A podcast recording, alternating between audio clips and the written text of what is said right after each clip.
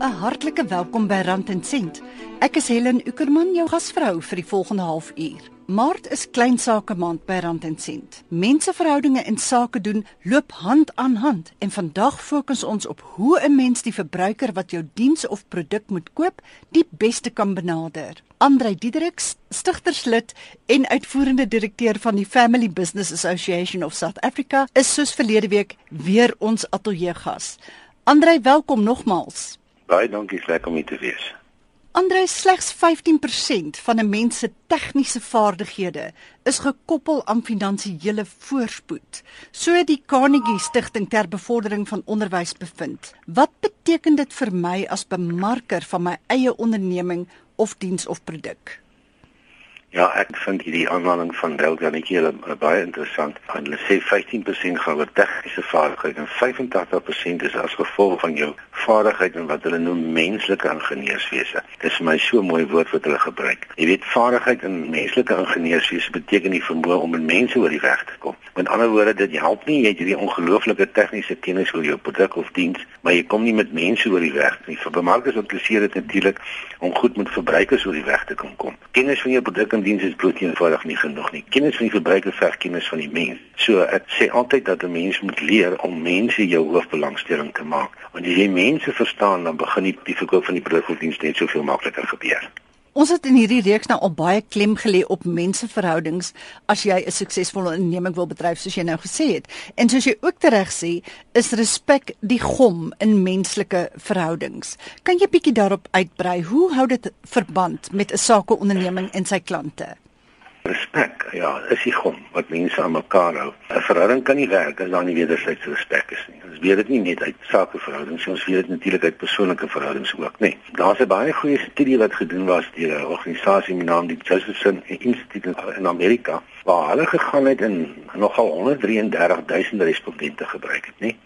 Dit is 'n groot ondersoek gewees om te gaan bepaal wat is daai waardes wat vir universeel vir almal aanvaarbaar is wat mense in die markplek kan benut en respek was een van die wat baie sterk na vore gekom het. Hulle gee vir byvoorbeeld vir ons 'n paar riglyne vir, vir respek, soos byvoorbeeld eer die individuele waarde en waardigheid van mense. Een van die grootste dramas wat jy in lewe kan veroorsaak, as jy byvoorbeeld 'n bemarkerde kliënt se waardigheid gaan aantas. Jy gaan definitief regkom met daai kliënt nie. Dinge soos leef volgens die goue reël dat jy moet goed doen aan ander as jy wil hê hulle moet goed doen aan jou. Dit is die ondergronde van van waar respek tussen mense kom in. Wees verdraagsaam. En oordeel in baie belangrik is 'n um, ek dink deel van respek is om mense te leer oordeel volgens hulle karakter en nie volgens uh, hulle agtergrond nie. Jy weet ons is baie gou geneig om mense op te som volgens hulle agtergrond en ons 'n prentjie in ons kop van wie hierdie persoon is. Dit is 'n teken van disrespek. Ek het eendag 'n sessie bygewoon waar ons almal moes verduidelik wie ons is. Ek is Andrei Diedericks en dis wat ek doen en dis wat ek bly en ons was net so vir 5 minute met hierdie ding aan die gang te stop. Die organiseerder sê jy het na my vraag geluister en jy het nie vir jou gevra wat jy doen nie. Ek het jou gevra wie jy is. En almal moet vir 'n oomblik gaan sit en dink oor wat hierdie vraag nou eintlik is. Maar dit laat jou dieper dink oor waaroor dinge gaan. Maar respek is regtig letterlik die gom wat mense in die gang hou. As jy nou wil hê 'n verhouding moet vaar, dan moet daar nie respek plaasvind van die een na die ander kant toe nie. Want dan is daai gom verskil, gaan nie by mekaar bly nie. Dis goeie maniere ook. Respekteer jou kliënt, respekteer die verbruiker vir wie hy is en dat jy daar is om hom te dien en moet dit nooit vergeet nie. 'n Mens is natuurlik ook nie alleen in jou onderneming nie. Jy dalk personeel wat met ja. die publiek werk en wat dalk baie vinnig goeie verhoudinge kan afbreek deur klante se gevoel van belangrikheid aan te tas. Hmm. Wat kan 'n sakeonderneming doen om sy klante of kliënte goed te laat voel oor hulle self? Ja, dit is baie waar, nie? Dit is nou maklik om te praat van die baas van die onderneming, maar dit is nou mense wat daar werk ook. Ja, hy sit dan sy kantoor. Ja, en hy mag nou die regte waardes hê, maar as as dit nie ingeprent is in die mense in sy onderneming het jy 'n ander probleem. Julle beter ooreenkom in in julle besigheid oor kernwaardes. Dit moet nie kernwaardes wees wat die baas of die eienaar net afdwing op almal nie. Maak dit 'n geïntegreerde proses. Met ander woorde, jy vat jou mense deur. Julle kom saam ooreen oor wat is die waardes waaroor nie onderhandel word in hierdie besigheid nie. En daai waardes word dan die maatstaf waarteen alles getoets word. So jy word nie net getoets aan jou eindresultaat van jou verkoop of die spesifieke taak wat jy doen nie, maar jy word letterlik moet jy geoordeel word op grond van hoe jy hierdie hierdie waardes toepas. Ek dink uh, Vanus Rautenbach het dit vir my baie goed opgesom toe hy vir my gesê het jy kan baie meer klante wen deur van vleitaal gebruik te maak. Maar hoor nou wat sê hy. Die beste vleitaal is om jou kliënt te vertel presies wat hy van homself dink. Dis 'n interessante benadering, maar dit maak vir my sin wat hy gesê het. Ja. ja. Maar ja, daar moet ook daar moet ook ingekom word binne onderneming oor hoe kliënte hanteer word om seker te maak dat kliënte se belangrikheid nie aangetast word nie. So wat is 'n paar belangrike aspekte van hoe kliënte of klante gehanteer moet word? Ek dink baie belangrike ding om eerstens te doen is om te leer om te luister. Jy weet luister skep soort van magic. Uh, ons is geneig om baie te praat maar uh, ons vergeet dat hulle uh, weet daar's ook 'n uitdrukking wat sê 'n goeie spreker is baie populêr maar niemand is meer bemind as 'n goeie luisteraar nie. Maar om te luister beteken ook jy moet aktief luister.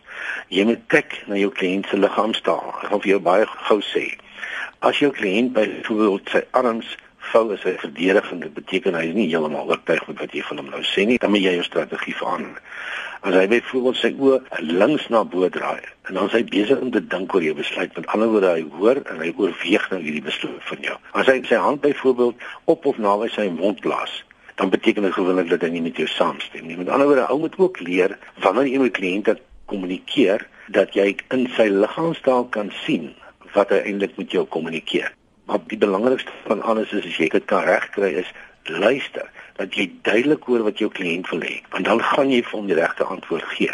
Ons moet ophou met hierdie ding dat die kliënt nog besig is om te verduidelik en dan maak ons soms sy sin ons vir hom klaar. Ons het klaar besluit wat hy dink wat hy wil hê.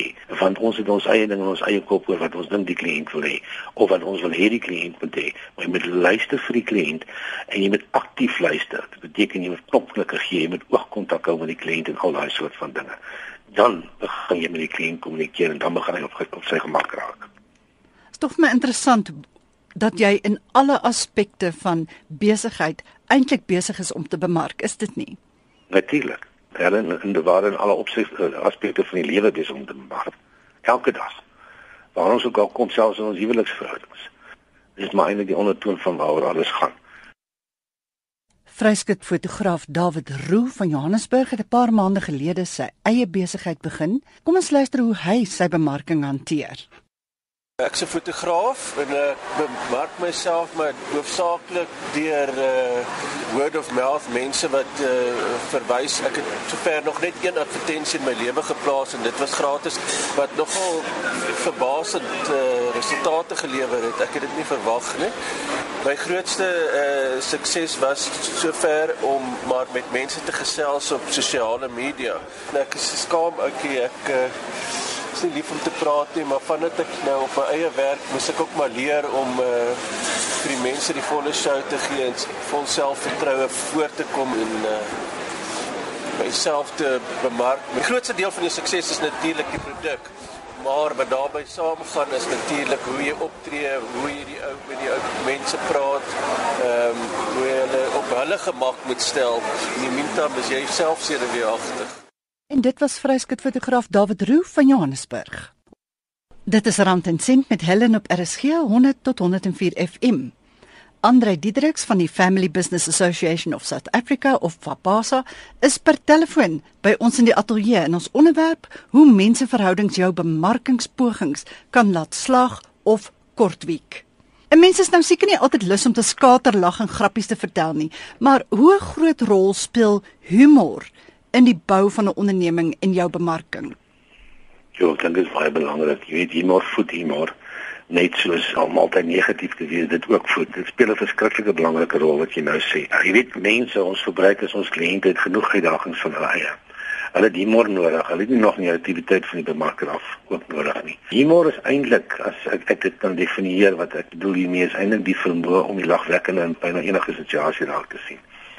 Dit verg natuurlik 'n positiewe dinkingesteldheid. Dit begin weer by jou kop hoe jy dink in alle omstandighede en hoe jy humor hanteer wat na jou kant toe uitgedeel word natuurlik bepaal ook hoe goed jy met humor is. Ek het onlangs weer 'n baie interessante situasie beleef hier in die Weskus daar by Mykonos se wêreld waar ons die dag by 'n restaurant was wat heeltemal oorvol was. En nou raak jy geïrriteerd van jy kry nie diens nie en nou doen ek wat mense juist nie moet doen nie want dis dis respekvol. Ek doen hierdie dan jy weet waarvan ek praat want dit is die die maklikste manier om die hierdie geraas uh, hierdie aandag te kry. Kyk, sy kan sien ek, ek is verwaand en, en jy weet sy hou nie van hierdie van my nie. Die volgende oomblik sê sy vir my, "Het jy 'n pangster in jou bek?" Dis nou dis daai soort van humor nê. Nee. Hoe vies ek ook op daai stadium wees oor nie kliënt kry nie, maar net daai woorde van haar nie die hele tafel nie lag gehad. En dit alles rondom die tafel verander. En weet dit daai soort van ding wat 'n ou moet kan regkry. Mense het humor nodig. Hulle is moeg vir dieselfde dinge elke dag oor en oor. En regtig waar, um, kliënte en verbruikers is nie lus om te luister na negativiteit nie. Um, deur hulle te help lag gaan beslis iets doen in jou verhouding met hulle en in jou transaksie einde van die dag. Maar mense sin vir humor kan sekerlik gou opdroog as iemand jou en jou onderneming kritiseer. Ek meen dit kan 'n mens dwars in die krop steek en sommer al die wind uit jou seile uithaal. Nee, dit verseker so. Jy weet argument wat uit afbreekende kritiek ontstaan, kan natuurlik nooit gewen word nie. Ehm um, moet die verbruiker nou te begin redeneer. Jy weet lank genoeg en altyd gesê jy moet in gooi iemand eerder met water as 'n klip daar maak nie seer nie kan hy ten minste nie teruggooi nie. En dis die soort van benadering wat hy moet hê. Onthou, hierdie woorde is ook belangrik. 'n Man wat teen sy wil oortuig is, soos byvoorbeeld 'n kliënt, aldag steeds dieselfde standpunt. Niks het verander nie. Die verbruiker is altyd reg sê ons in bemarking. Nou ons weet natuurlik die verbruiker is nie altyd reg nie. Soms is die verbruiker ook mos maar onbillik en krities. Maar ehm um, dis bitter belangrik dat jy al weet jy verseker dat die verbruiker nie reg is oor wat hy nou sê of daai kliënt of daai klant nie. Wees altyd empaties en wys vir die verbruiker of die kliënt dat jy sy probleem en sy ontsteltenis verstaan. Met ander woorde stem saam met hom. Kom ons vat byvoorbeeld 'n voorbeeld.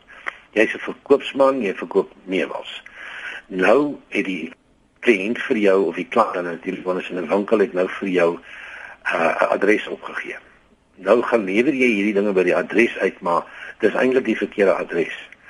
Nou kom die persoon terug en hy is vreeslik ontstel die klant omdat jy nou dit op verkeerde plek afgelewer het. En nou kan jy of hom sê man jy het my hierdie adres gegee maar nie vir my nou vertel is my skuld. Jy weet daai soort van ding.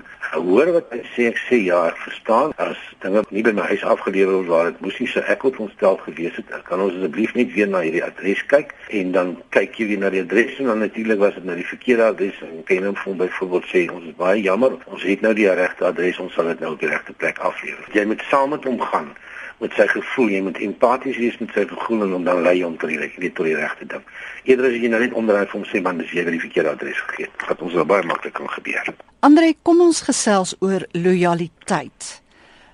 As bemarker, teenoor jouself en jou onderneming en ook jou klante, wat behels dit? Wat beteken dit?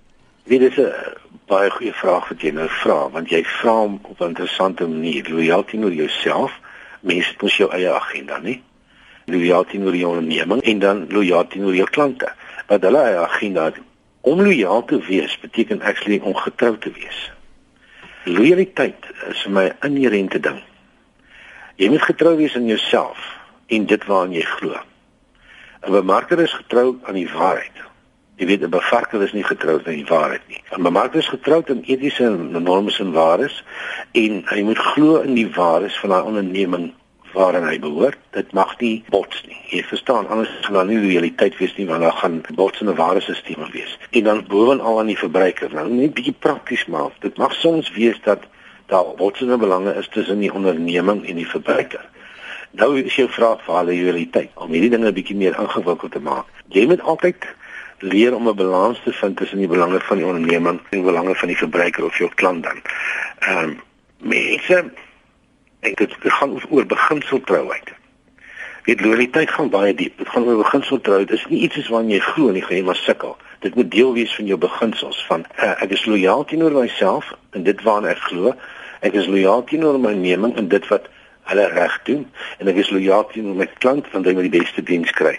Bemaak dit propageer en leef altyd dinge in balans uit. As jy dan nie loyaliteit nie. Met ander woorde, dink maar byvoorbeeld jou onderneming is onregverdig teenoor die kliënt wat doen jy nou? Staan jy aan die onderneming se kant of staan jy aan die kliënt se kant? Ek sê nou vir ek as persoon staan aan die kliënt se kant, nie aan die onderneming se kant nie. Jy moet lojaal wees teenoor die waarheid en dit is reg is ook.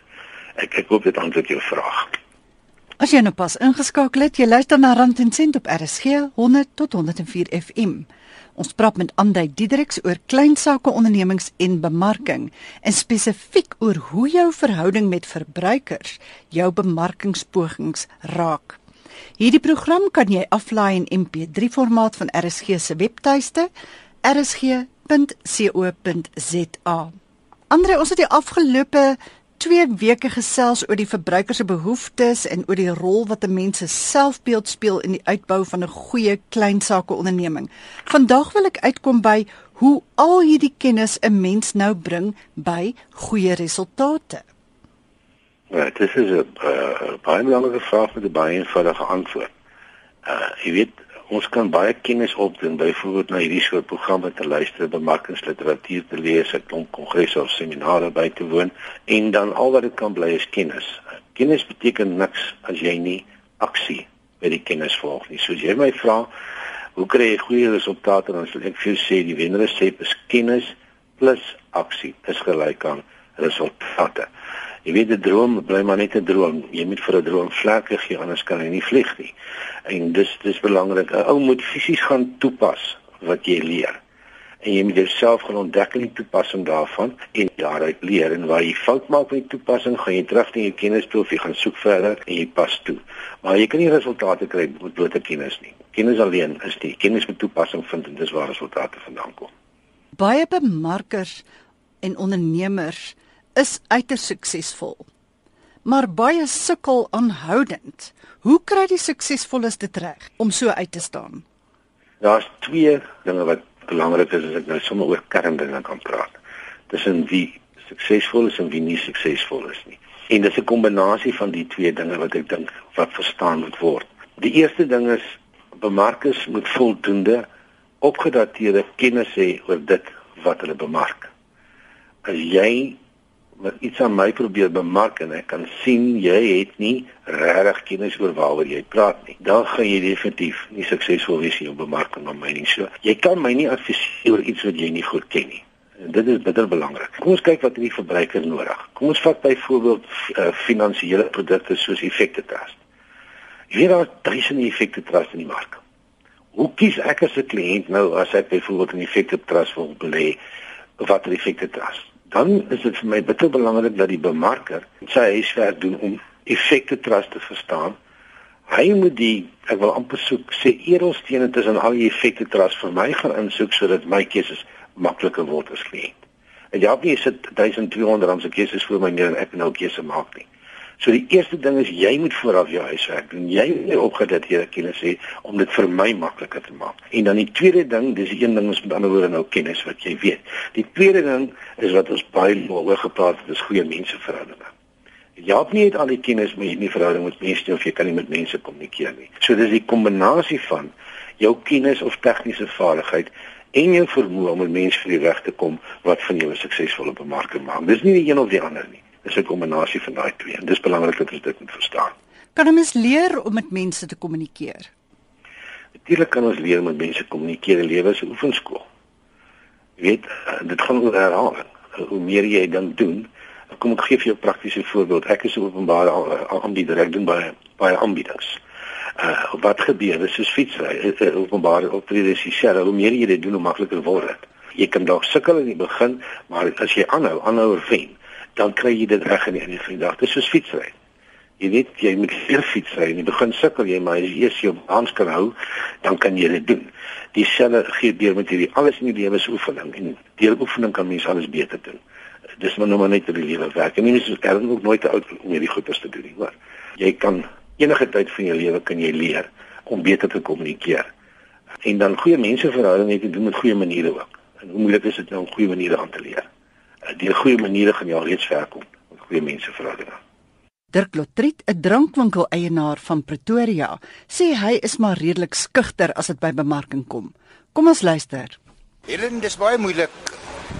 Bemarking is duur soos die meeste mense weet en dit is iets wat mens baie versigtig moet aanpak. In my geval, soos met meeste drankwinkels, maak ek staat op borde buite die winkel, swart borde waarop jy kan skryf Soos baie van die ouer drankwinkels is my venster swart geverf en van die pryse van sekere dranksoorte is daarop aangebring. Dit trek heelwat mense. Natuurlik het ek 'n groot uithangbord, maar daar's 'n padbord wat dit bietjie versper en moeilik maak vir mense. Ehm um, dit is standaard goed dan werk ek in 'n paar ander goed. Ek beplan 'n pamflet projek. Ek dink ons sal baie resultate daar uit sien en van daar af ons vorentoe kyk. Ek is bietjie van 'n introvert, so ek praat nie maklik nie. Ek het wel baie goeie verhoudinge opgebou met die mense wat die winkels rondom my besit. Ons val ek in die restaurant het 'n baie goeie wederwysige verhouding. Hulle koop dikwels drank by my. Veral later in die aand as van hulle wyne en van hulle biere opraak. Ek hou voorraad vir hulle. Ehm um, ek word baie goed ondersteun deur die mense van tattoo winkel byvoorbeeld. Hulle is lief om elke dag hulle middels te kom koop by my. Ehm um, die prokureurs in die omgewing dink is 'n klein geheimpie. Hulle begin al so 10:00 in die oggend op 'n Vrydag kuier. Die verhouding wat jy opbou met die mense in die omgewing is waarskynlik die belangrikste bemarking wat daar is. Dit was Dirk Lotriet, 'n drankwinkel eienaar van Pretoria. Weet jy Andre, dinge verander mos gedurig. In jou onderneming, dalk in die manier waarop jy bemark of in die manier waarop die mark reageer op jou produk of onderneming. Maar nie almal kan dit baie goed hanteer nie. Wat is jou raad vir ondernemers of bemarkers as verandering kom? Ja, jy vra nou so 'n pertinente vraag want dit is presies wat in die markplek aan die gang is, nie? Ons word gekonfronteer met voortdurende veranderinge en jy gaan of daarbey aanpas of jy of jy gaan dit nie doen nie. Ek weet ek sê altyd mense moet verandering omhels. Ek het so 'n vergelyking wat ek altyd maak tussen drie karakters byvoorbeeld ek gebruik byvoorbeeld die dolfyn as ek sê kom ons praat nou eers die kat, die dolfyn en die haai. Nou wat doen die kat? Die kat is mos nou maar net 'n vis wat in die see hang. Hy sal letterlik rondgeslinger word van oseaan of see tot see. Hy is nie eens weet as nou hy is. Hy weet nie is op 'n ander plek nie. Met ander woorde, hy is totaal wat ons noem ignorant in Engels. Nee, jy kry sulke mense. Dit geen idee dat goed verander nie. Dan kry jy nou ongelukkig wat die meeste mense is en dis die boodskap wat ons op fokus hier. Is meeste mense is haie. Jy sien, haie weet goed verander maar hou nie noodwendig van verandering nie. So, en dis hoekom ek sê met verandering omhels. Dit help nie jy weet goed verander maar jy omhels dit nie. Iemand het my eendag die woord geleer dat alle mense hou is gelukkig met verandering net solank hulle self hoef te verander. ja. Ek dink dit dis die dis die kern van waar dit gaan. Ek praat dit altyd van dolfyne. Dolfyne is avontuurlustig en hulle soek altyd na nuwe oseane nuwe geleenthede. En dis hoe mense moet dink oor verandering dat jy jy kan nie ophou nie, maar kom ek wys net met jou wat gebeur as jy nie kan verander nie. Jy weet in die moet sê die eiendomsbedryf en in die finansiële bedryf het almal se klomp nuwe wetgewing aangekom, goed soos FICA en FICA en al hierdie goeders. Wat beteken die bemarker kan nie meer dinge bemark soos hy dit in die ou dae bemark het nie. Hy word nou gedwing om 'n sekere prosesse goed te doen want dit gaan oor wat hulle noem voldoen aan hierdie konform. Jy weet waar sekere voldoening waarin jy moet voldoen. Ek sal nooit vergeet hoe hierdie veranderinge so aangekom hoe baie mense hoe van die mees suksesvolle bemarkers daarmee gesukkel het en van hulle actually uit die bedryf uit verdwyn het omdat hulle nie kon verander nie. Hulle kon nie meer die ding op hulle ou manier doen nie. Hulle moes dit binne nuwe wetgewing doen en daar sekere prosesse wat jy met volgende kon nie eenvoudig dit nie doen nie. So jy nie verandering van omhels nie, kan dit vir jou 'n groot probleem aanvat. In die eerste plek verstaan nie verandering En die tweede plek gaan saam met die vloei soos daai draaikolk waarna ek verwys het, want as jy nie saam met die vloei van die draaikolk gaan nie saam met die vloei van die verandering nie, dan gaan jy verdrink. En dis hoe eenvoudig is dit jy moet bly voldoen aan die vereistes van die dag en wat die konsep van waar die markplek is vandag. Andre, waar kan mense jou kontak of meer uitvind? Hulle kan my kontak per e-pos by awdiedrix, spel net a w d i e d e r i c h s onthou aan hier kan nie by mweb.co.za of 0824533288. So die e-pos is AW, dis nou 'n Engelse W, AW Diedericks met 'n H by mweb.co.za of selfoon 0824533288 vir die wat graag vir Andre wil kontak. Andre baie dankie. Dankie, lekker. Dit was Andrei Diedericks wat met ons gepraat het oor bemarking en kleinsake ondernemings. Om kontak te maak met Rand en Sent, volg my op Twitter by Helen Ukerman of op Facebook by Rand en Sent Helen Ukerman. Stuur ook gerus e-pos na helen.uecka@gmail.com. Dis dan Helen wat groet, lekker saam met julle gekuier vandag. Volgende Sondag om 04:30 maak ons weer so.